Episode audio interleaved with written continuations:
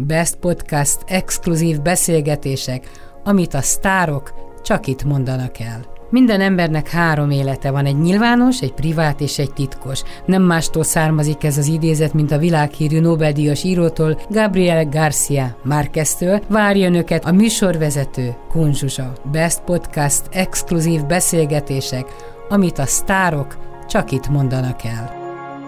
Presser Gábor a vendégem, és egy csodálatos hangjátékba egészen véletlenül szaladtam bele, este nem tudtam aludni, és keresgéltem, hogy mit hallgassak Presser művek között, és akkor megtaláltam a Bűnös című, talán 43 perc, ha jól emlékszem a pontos időre. Igen. Eszterházi Péternek a regényéből készült. Én annól olvastam ezt a könyvet, Szűcs Miklós festőművész képeire írta a szöveget, persze szerintem a kettőnek köze nincs egymáshoz, de lehet azt mondani, hogy a képekre készült a szöveg. És tudod, azon gondolkodtam téged hallgatva, és ez úgy erősebb volt az érzés, hogy, hogy a bűnös az Eszterházi Péter hasnyálmirigy rákja volt. Őt kellett volna elítélni a törvényszéknek, vagy a bíróságnak, és Pétert ítélték halára, nem a hasnyálmirigy rákját. Igen. Ne, hát ezt így nagyon nehéz ezt így megfogalmazni, mert ő nem egy bűnügyi történetet írt le, nem egy egyszerűen nem írt le egy szerelmi történetet, itt minden keveredik, és minden kifut egyetlen egy szára, amit, amit tudunk, hogy mi. mi hogy mi a végső ítélet. Te találkoztál Péterrel ebben az időszakban, amikor mondjuk a a kezedbe került? Hogyne, igen igen, igen. Sokszor nem hát, tudom, hogy ki a szemérmesebb, aki beteg, vagy aki, aki ott áll mellette, és azt se tudja kezét, lábát tördelve, hogy miről beszélgessen, vagy mit csináljon. Holott, aki érintett a dologban, abból lehet, hogy kikívánkozik. Nem tudom, hogy hogy szeretett kommunikálni, ő akarta emberekkel, és hogy kikkel nyilvánvalóan voltak olyanok, akikkel ő beszélt a betegségről, de hát hiszen ő még megírta a Hasnyálmirigy naplóját. Has, hasnyálmirigy naplóját is, azzal, hogy írt erről, nagyon erős erős elhatározást mutatott, hogy elkezdte ezt megírni. És, és beszélt erről. Én kétszer láttam azt a beszélgetést, amiben a Szűcs a Friderikusszal beszélgettek, ahol sok mindenről beszéltek. Péteren látszottak a kezelés nyomai előtte is találkoztam vele, hát persze láttam. És, és akkor ott valamennyi a beszélgetés végén, amiben a bűnösről is szó volt, de valamennyi szót ejtettek a betegségről is. Szóval nagyon, ne, nagyon nehéz úgy elmondani valamit nekem, hogyha ezt az őszintjén ő elmondta megírta, és, és szavakban is elmondta, nem tudok erről, nem tudok erről beszélni. De akkor te hogy álltál elé, hogy, hogy szeretnéd megzenésíteni az ő könyvét? Úgy történt, hogy a második alkalommal, amikor egy ilyen éjjeli ismétlést láttam, akkor, akkor az már nagyon-nagyon nagy ütés volt a, a szívre, és korábban olvastam a bűnöst, akkor is állandóan hallottam benne valamiket. Én nagyon jól tudok, hogyha szabad ilyesmit kimondani, de én nagyon jól tudok a, az Eszterházi Péter hangján olvasni. Tehát én tökéletesen hallom őt. Én annyi, olyan sokat hallgattam az ő felvételeit, még amikor nem is volt hivatalos a Harmonia Celestis, voltak belőle részletek, azokat én megszereztem, rengeteg felolvasását szereztem meg, és abszolút tudtam úgy hallgatni, ahogy, ahogy ő olvas fel. És én abban, abban valamilyen mértékben zenét, zenét hallottam, vagy valamit, ami egy ilyen hangjáték.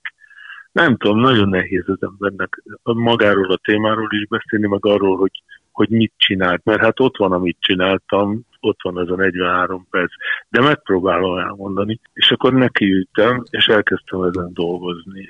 És ez, ez december közepén volt, karácsony előtt, egy ilyen vázlatszerű hangfelvételt befejeztem. És akkor nem nyúltam hozzá január elejéig, január elején szólt a telefon, Szűcs volt, hogy január 5-én, azt hiszem, vagy 6-án menjünk átvacsorázni. És ott beszélgettünk, én elvittem magammal egy CD-re kiírva ezt az anyagot, de nem akartam ott, hogy ott mások előtt lejátszuk, hanem ott hagytam a Miklósnak, amikor elköszöntünk, akkor mondtam, hogy, hogy itt a bűnös, végül is ez a Miklós képeinek a hatására íródott, és hogy itt a bűnös, és hogy, hogy, hogy hallgass meg, kíváncsi vagyok, hogy mit mondasz, mert, mert úgy nem lehet engedélyt kérni a Pétertől, hogy fogalma nincs, hogy mi van. Én ezt a vázlatot megmutatnám, és hogyha ő azt mondja, hogy, hogy engedélyezi, hogy mehet, akkor, akkor neki látok.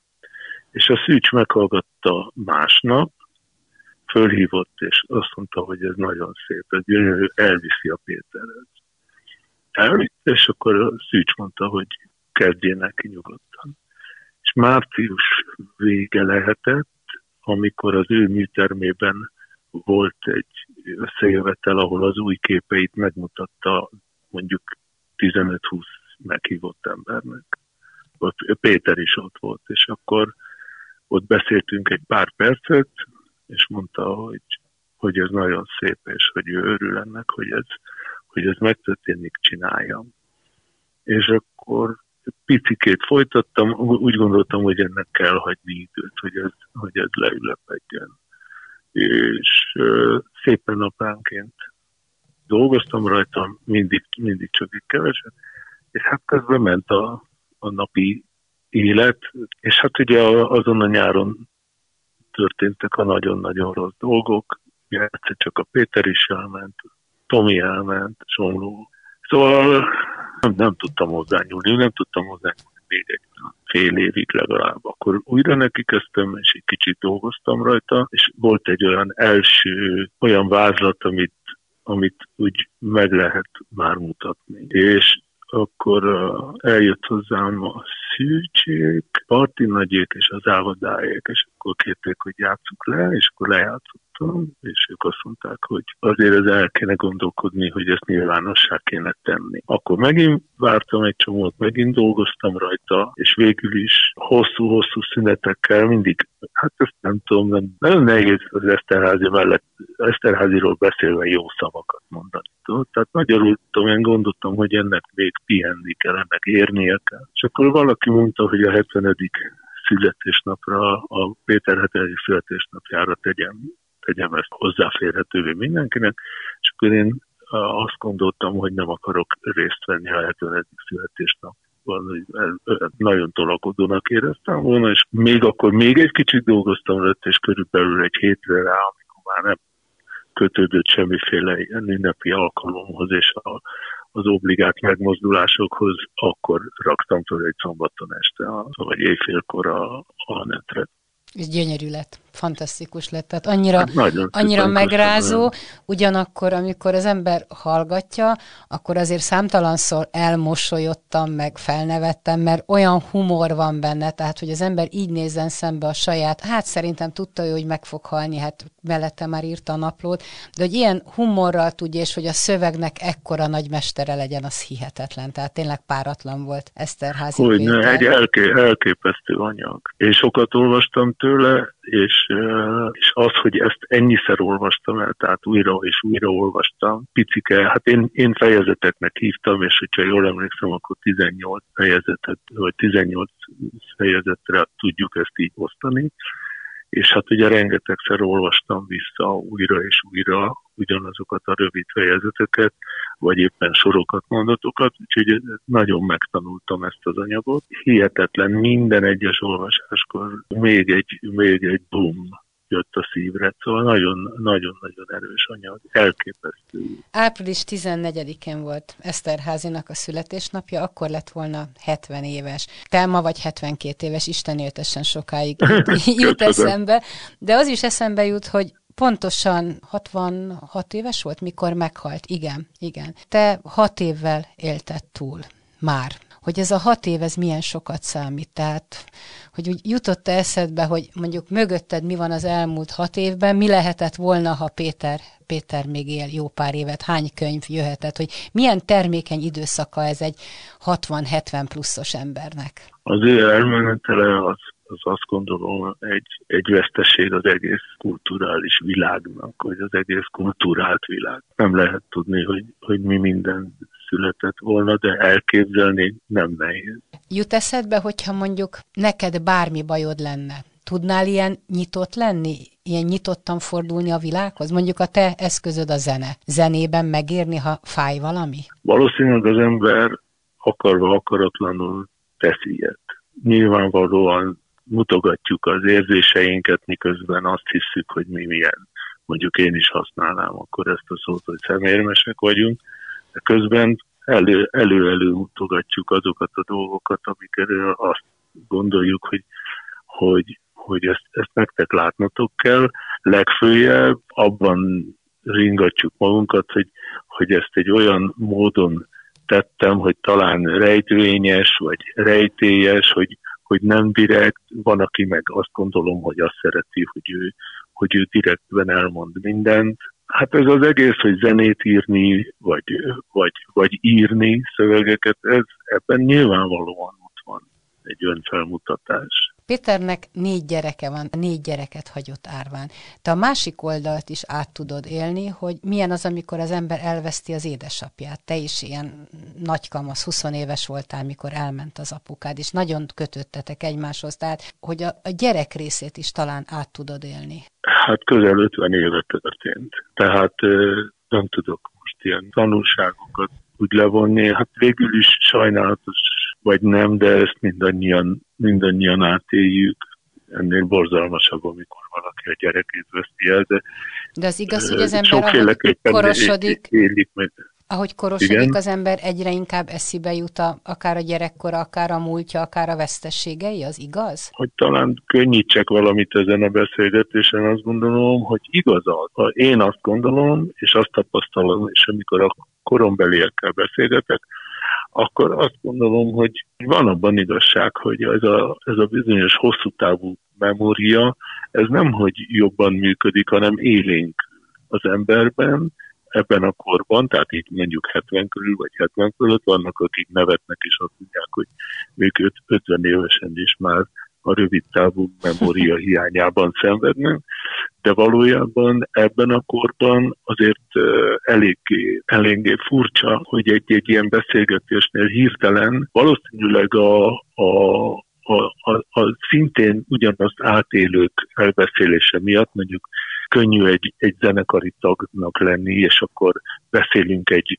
mondjuk egy 40 évvel ezelőtti koncertről, és jönnek elő olyan részletek, amire egyikünk vagy másikunk egyáltalán nem emlékezne, és soha az életben már nem jutna eszébe, de a másik vagy a, vagy a harmadik elmondja, és ettől mindenki felélénkül, és azt mondja, bizony, és ez úgy volt, igen, és volt rajta nyakkendő is, meg hogy tényleg, és hogy milyen hülye volt az a pazsas. Ó, persze, és emlékszel, és a reptéren voltunk, de hogy voltunk a reptéren, tehát magyarul jönnek elő ezek a dolgok, és mindenki ragaszkodik bizonyos pontos részletekhez ebből a, ebből a nagyon régmúltból, amiket nem nagyon tudunk így a, a közelmúlttal, meg bajban vagyunk. És ez, ez egy olyan, hogy mondjam, fura dolog, mert olyan, olyan rossz érzésed van, hogy na, na jó, hát akkor most már biztos öreg vagyok.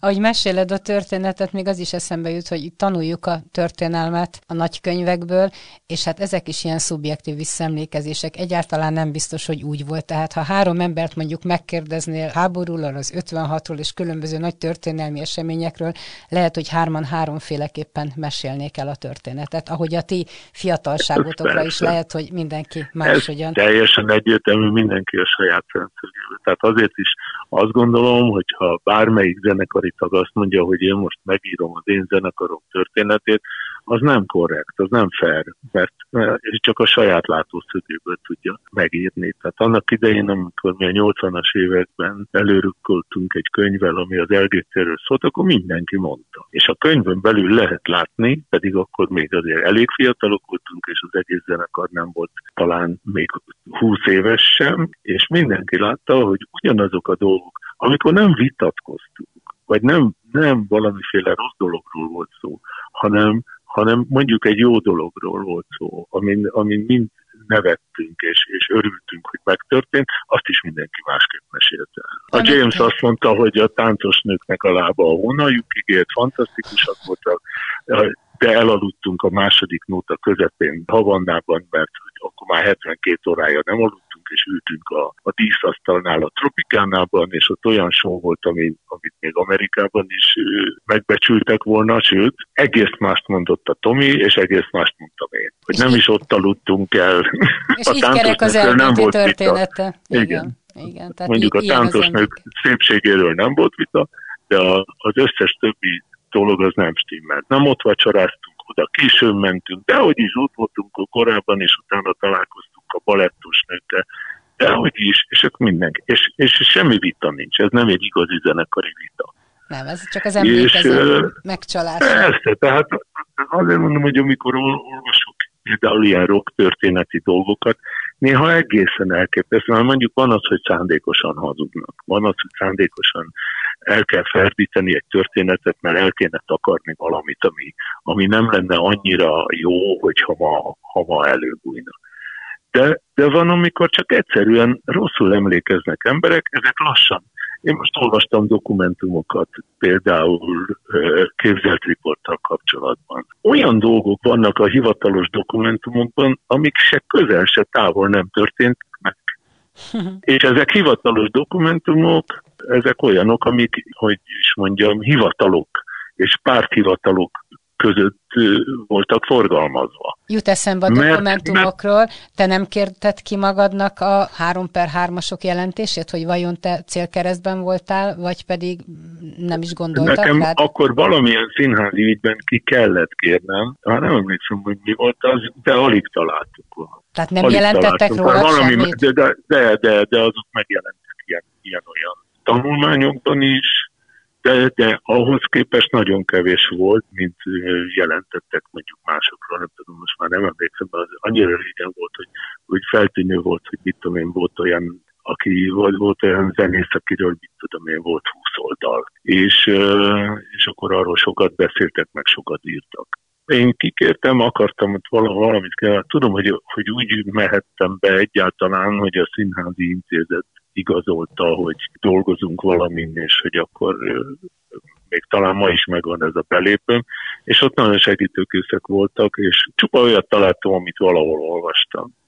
Már és szörmentén voltam emlegetve. Tehát, tehát nem. Valaki azt mondta, hogy, hogy szép anyagunk van a stázinál, de egyrészt nem érdekel, másrészt semmi kedvem fordítatni. Most egy bizonyos ügy miatt a cseh, csehszlo, hát akkor még Csehszlovákia, vagy csehszlovák dokumentumokat fordítanak nekünk az LGT-vel kapcsolatban, mert az ott, ott azért onnan kilettünk tiltva 73 szeptemberében, és, és soha nem járt le a kitiltásunk, és mégis visszament vettünk 75-76-ban, nem tudom pontosan. Igaz, hogy nem nyilvános fellépésre, csak lemezt csináltunk a Szuprafonnak Prágában. Szóval rengeteg érthetetlen dolog történt velünk ott.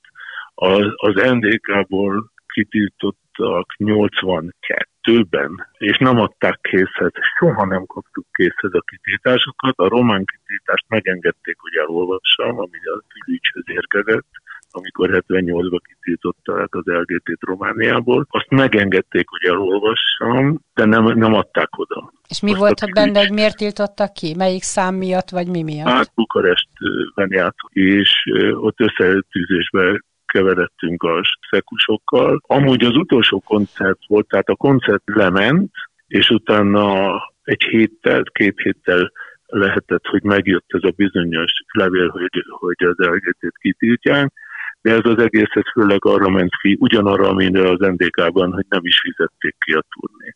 Érdekes dolgok voltak, de ezek nem a ezek nem a történelmi levéltárban vannak, mert ezeket szerettem volna látni újra, de nem, de nem került oda ebből semmi, és az, hogy, hogy az interkoncert, amelyik a, a külföldi dolgainkat intézte, mint egyetlen egy monopól helyzetben lévő szocialista nagy ilyen impresszárió vállalat, intézte a zenészeket, a komoly zenészeket, könnyű zenészeket egyformán, intézte a vendéglátós zenészeket, intézte a filmrendezők utazást, tehát mindent ők felügyeltek, úgymond, a művészek utazását, és hogy az ő levéltáruk, vagy bármiük, hogy hova került, azt nem tudom. Arra még nem volt energiám, hogy, hogy megpróbáljak ilyeneket megszerezni, és főleg azért nem, mert a, nem tudom, elképzelhető, hogy telexen vagy, vagy telefonon három mondatban elintézték ezt.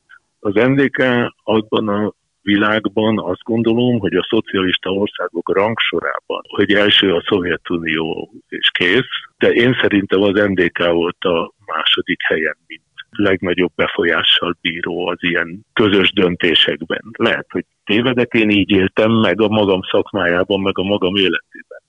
És lehet, hogy náluk annyi elég volt, hogy a magyaroknak megírnak, nem tudom én, egy négy soros telexet ami aztán meg ott maradt valahol a telexgépen, vagy ki tudja hova a francba kerül. Hát érdekes világ volt. Ez erről jut eszembe, hogy, hogy Kádárral neked, vagy acéllal volt bármiféle kapcsolatod? Vagy között, volt közöttök egymáshoz?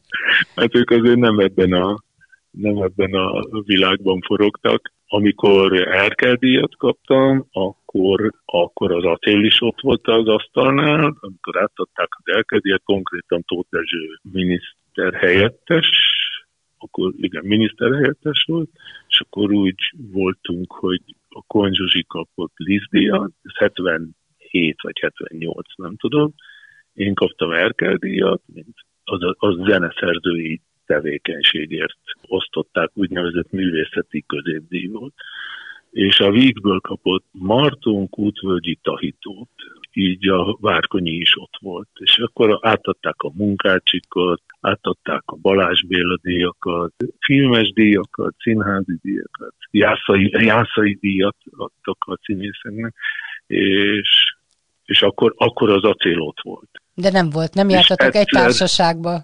Nem, úgy, úgy tűnt nekem, hogy nem járunk egy társaságba. Viszont egyszer, egyszer a Pécsi szálloda lépcsőjén lefele menet elcsúsztam, és ott, hát nem tudom szebben kifejezni magam, segre ültem, és fölfelé jött éppen a célelvtárs a testkörében. Felsegített legalább?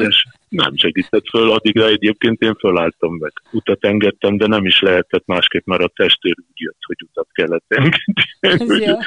Úgyhogy, de hát mondjuk magamtól is utat engedtem volna, egy idősebb pali volt végül is. De tulajdonképpen azért hagytak titeket békében dolgozni, tehát bárki bármit mond, azért voltak kiskapuk, nem tudom, hogy volt-e nagyobb trauma az életedben a szocializmusban, ami mondjuk a karrieredet kicsit visszavetettem. Én nem emlékszem rá, de lehet, hogy volt ilyen. Azt gondolom, hogy ezt, ezt nem lehet egy ilyen egy mondattal elintézni, hogy voltak olyan traumák, amiket ma nem, nem tartunk jelentősnek. Abban a közegben, abban a világban, abban a környezetben, akkor mondjuk nagyon jelentősnek tűnt, és, és nagyon visszavetette az életedet, a, a munkakedvedet, bármit. Tehát az, hogy, hogy jól megcsavargatták neked, tudod, az, az, az, az akkor azért nem volt egy olyan különleges dolog, de mégiscsak voltak olyanok, ahol jobban megcsavargatták. És, és vannak olyan dolgok, amik, amiket ma úgy találunk, hogy ez, az belefért a hétköznapokba. De akkor nagyon durva volt. Csak hát mihez voltál szokva? Mi ahhoz voltunk szokva, hogy ennek sose lesz vége. Mi úgy gondoltuk, hogy Jaltában eldöntötték, hogy ettől a vonaltól, a vasfüggönytől keletre ilyen lesz a világ. És ebben megállapodtak a nagyok. Tehát mi nem gondoltuk azt akkor, hogy ennek az életben egyszer vége lesz. Tehát úgy fogtuk fel a mindennapoknak az, a jó és rossz dolgait, hogy mi éltünk egyfajta világ. Remekül alkalmazkodtunk hozzá, bár ez volt a túléles, hogy alkalmazkodjunk, ami most is jellemző szerintem, és erre mondják, hogy a magyarok ilyenek túl alkalmazkodnak bizonyos helyzetekhez. Nem tudom összehasonlítani, mert nem tudom, hogy ugye, hogy, hogy élték volna meg a szocializmust mondjuk a hollandok vagy a norvégok. Tehát, hogyha ha véletlenül úgy döntenek Jaltában, hogy a, vagy hogyha Ausztriából nem mennek ki a, a szovjetek. Ugye 55, ha jól gondolom, az államszerződés, vagy mindegy, nem akarok túl sok hülyeséget összebeszélni, tehát ha benn maradnak mondjuk Ausztriában az oroszok, hogy hogy élték volna meg ők? Tehát ezek olyan dolgok, amiket nem tudunk, nem tudunk, nincs összehasonlítási alapunk. Összehasonlíthatjuk azt, hogy milyen volt a, az élet. Mi, akik turnéztunk és, és exportáltuk a, a magyar zenét, és ezzel tulajdonképpen ez, ez, ez egy olyan, hát ez egy olyan dolog volt akkor, amit a, amiben ilyen egyeduralkodók voltunk. Tehát a magyar zenekarok azok mindenhol taroltak, de Magyarországra hiába jött egy, egy román zenekar, vagy egy bulgár zenekar, vagy egy NDK zenekar, hát ki a túró akarta őket megnézni. Nevüket nem tudnám mondani, hogy volt Persze, ilyen. na most viszont, viszont a magyar zenekarok taroltak. Igen. Tehát mi láttuk azt, ezért sokat, sokat jártunk a, a szocialista táborban, hogy ezt a szót használjam. Hát mi láttuk, hogy hogy élnek Lengyelországban, láttuk, hogy hogy élnek. Egyáltalán nem hasonlítottak ezek az országok egymásra. Sok, do, sok dologban egyáltalán nem hasonlítottak, sok mindenben igen. Tehát azért, azért az nem egy olyan dolog volt, hogy, hogy itt van a szocialista tábor, az ilyen. A szocialista tábor az sokféle volt azon belül, hogy hát meg volt a maga tragédiája, azt úgy hívták, hogy a szocialista tábor. Jó, és hát évekre lebontva is más volt, mert más volt egy 80-as évek, és más volt mondjuk a 60-as évek, akár Magyarországon, akár Európa számos országában. Még arra kíváncsi lennék, hogy nálatok élt a kettős beszéd, hogy mondjuk mást beszéltetek otthon, mondjuk a szüleid, akik átéltek sok mindent, és máshogy kellett az iskolában mondani, mondjuk a szovjet hadsereg dicsőséges napjait, meg bejövetelét? Hát ezt, ezt meg kellett tanulni, hát ezt bemagoltuk, hát erre, erre meg voltak a fordulatok. Ezt betanították a gyerekeknek. Így voltak leírva a történelemkönyvek. Nyilván, hogy otthon nem így beszéltek az emberek. Ezek, ezek ilyen kötelező fordulatok voltak, a dicsőséges, a megbonthatatlan, nagyon szellemeseket lehetne mondani, ha eszembe jutna. Ugye a megbonthatatlan barátság, a béketábor, voltak olyan kifejezések, amik, amik, amik keletkeztek azért, mert volt egy ilyen rendszer, vagy hát ezek a, ez a, volt egy ilyen rendszer együttes. Van neked esetleg ajándékkönyved az iskolából Rákosi Pajtástól, mert jó tanuló voltál? Nincs, nekem nem küldött. Nem küldött? Vagy nem voltál jó tanuló?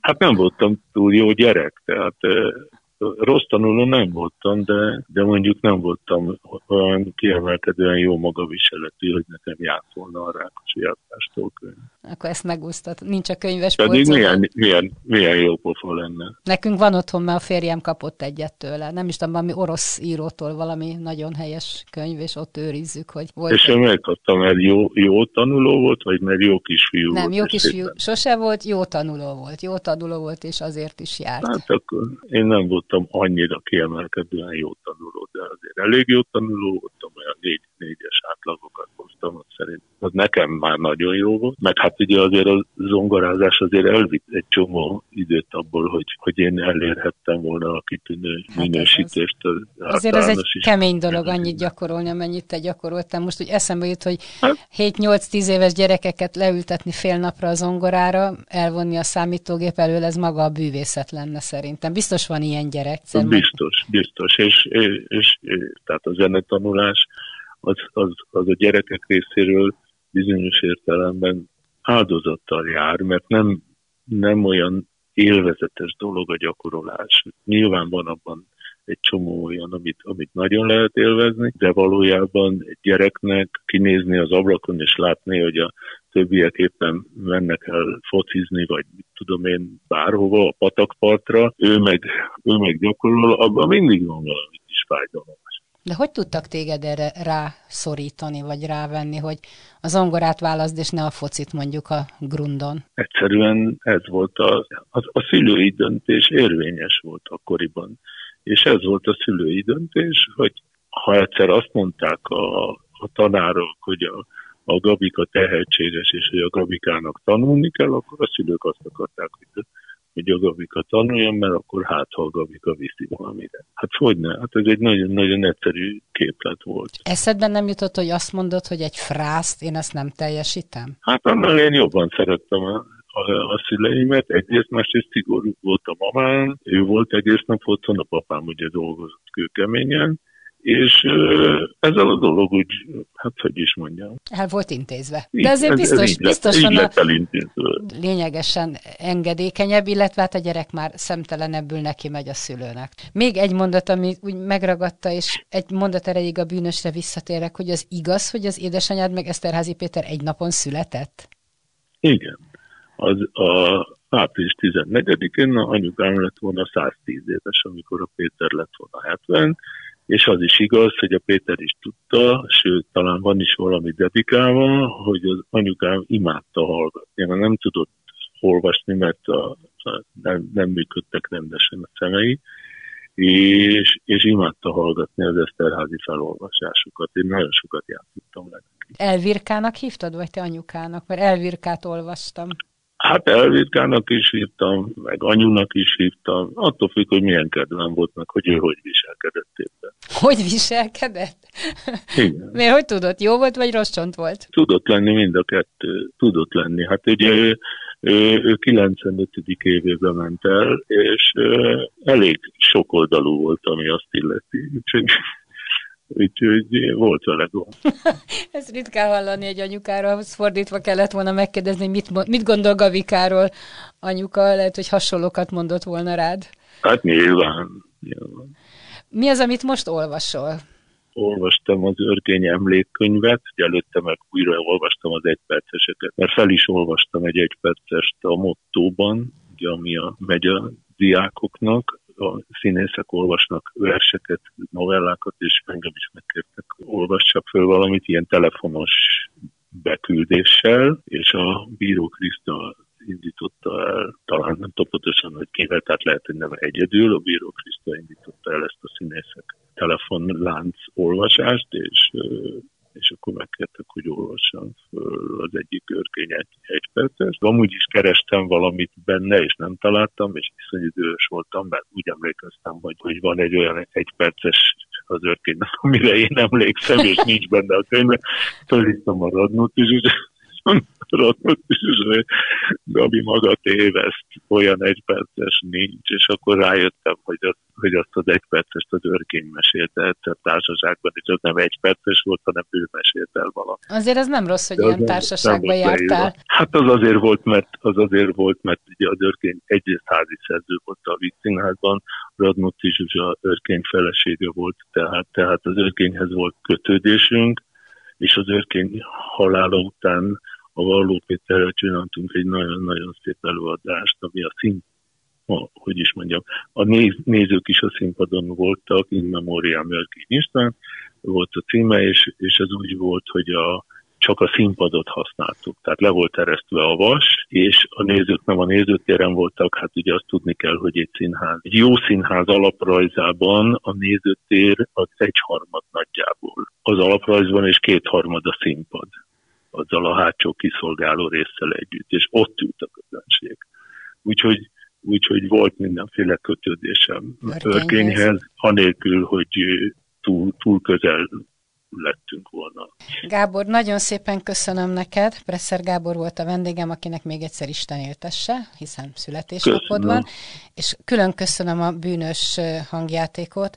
Nagyon megrázó volt, és nagyon Hát nagyon köszönöm, szület. hogy meghallgattad, mert hát ez nem egy túl, nem egy túl könnyű hát, hallgatmány. Oda kell rá figyelni, ez így van. Köszönöm neked, és szép napot kívánok. Köszönöm szépen. Best Podcast exkluzív beszélgetések, amit a sztárok csak itt mondanak el. Minden embernek három élete van, egy nyilvános, egy privát és egy titkos. Nem mástól származik ez az idézet, mint a világhírű Nobel-díjas írótól, Gabriel Garcia Márqueztől. Várja önöket a műsorvezető Kunzsuzsa. Best Podcast exkluzív beszélgetések, amit a sztárok csak itt mondanak el.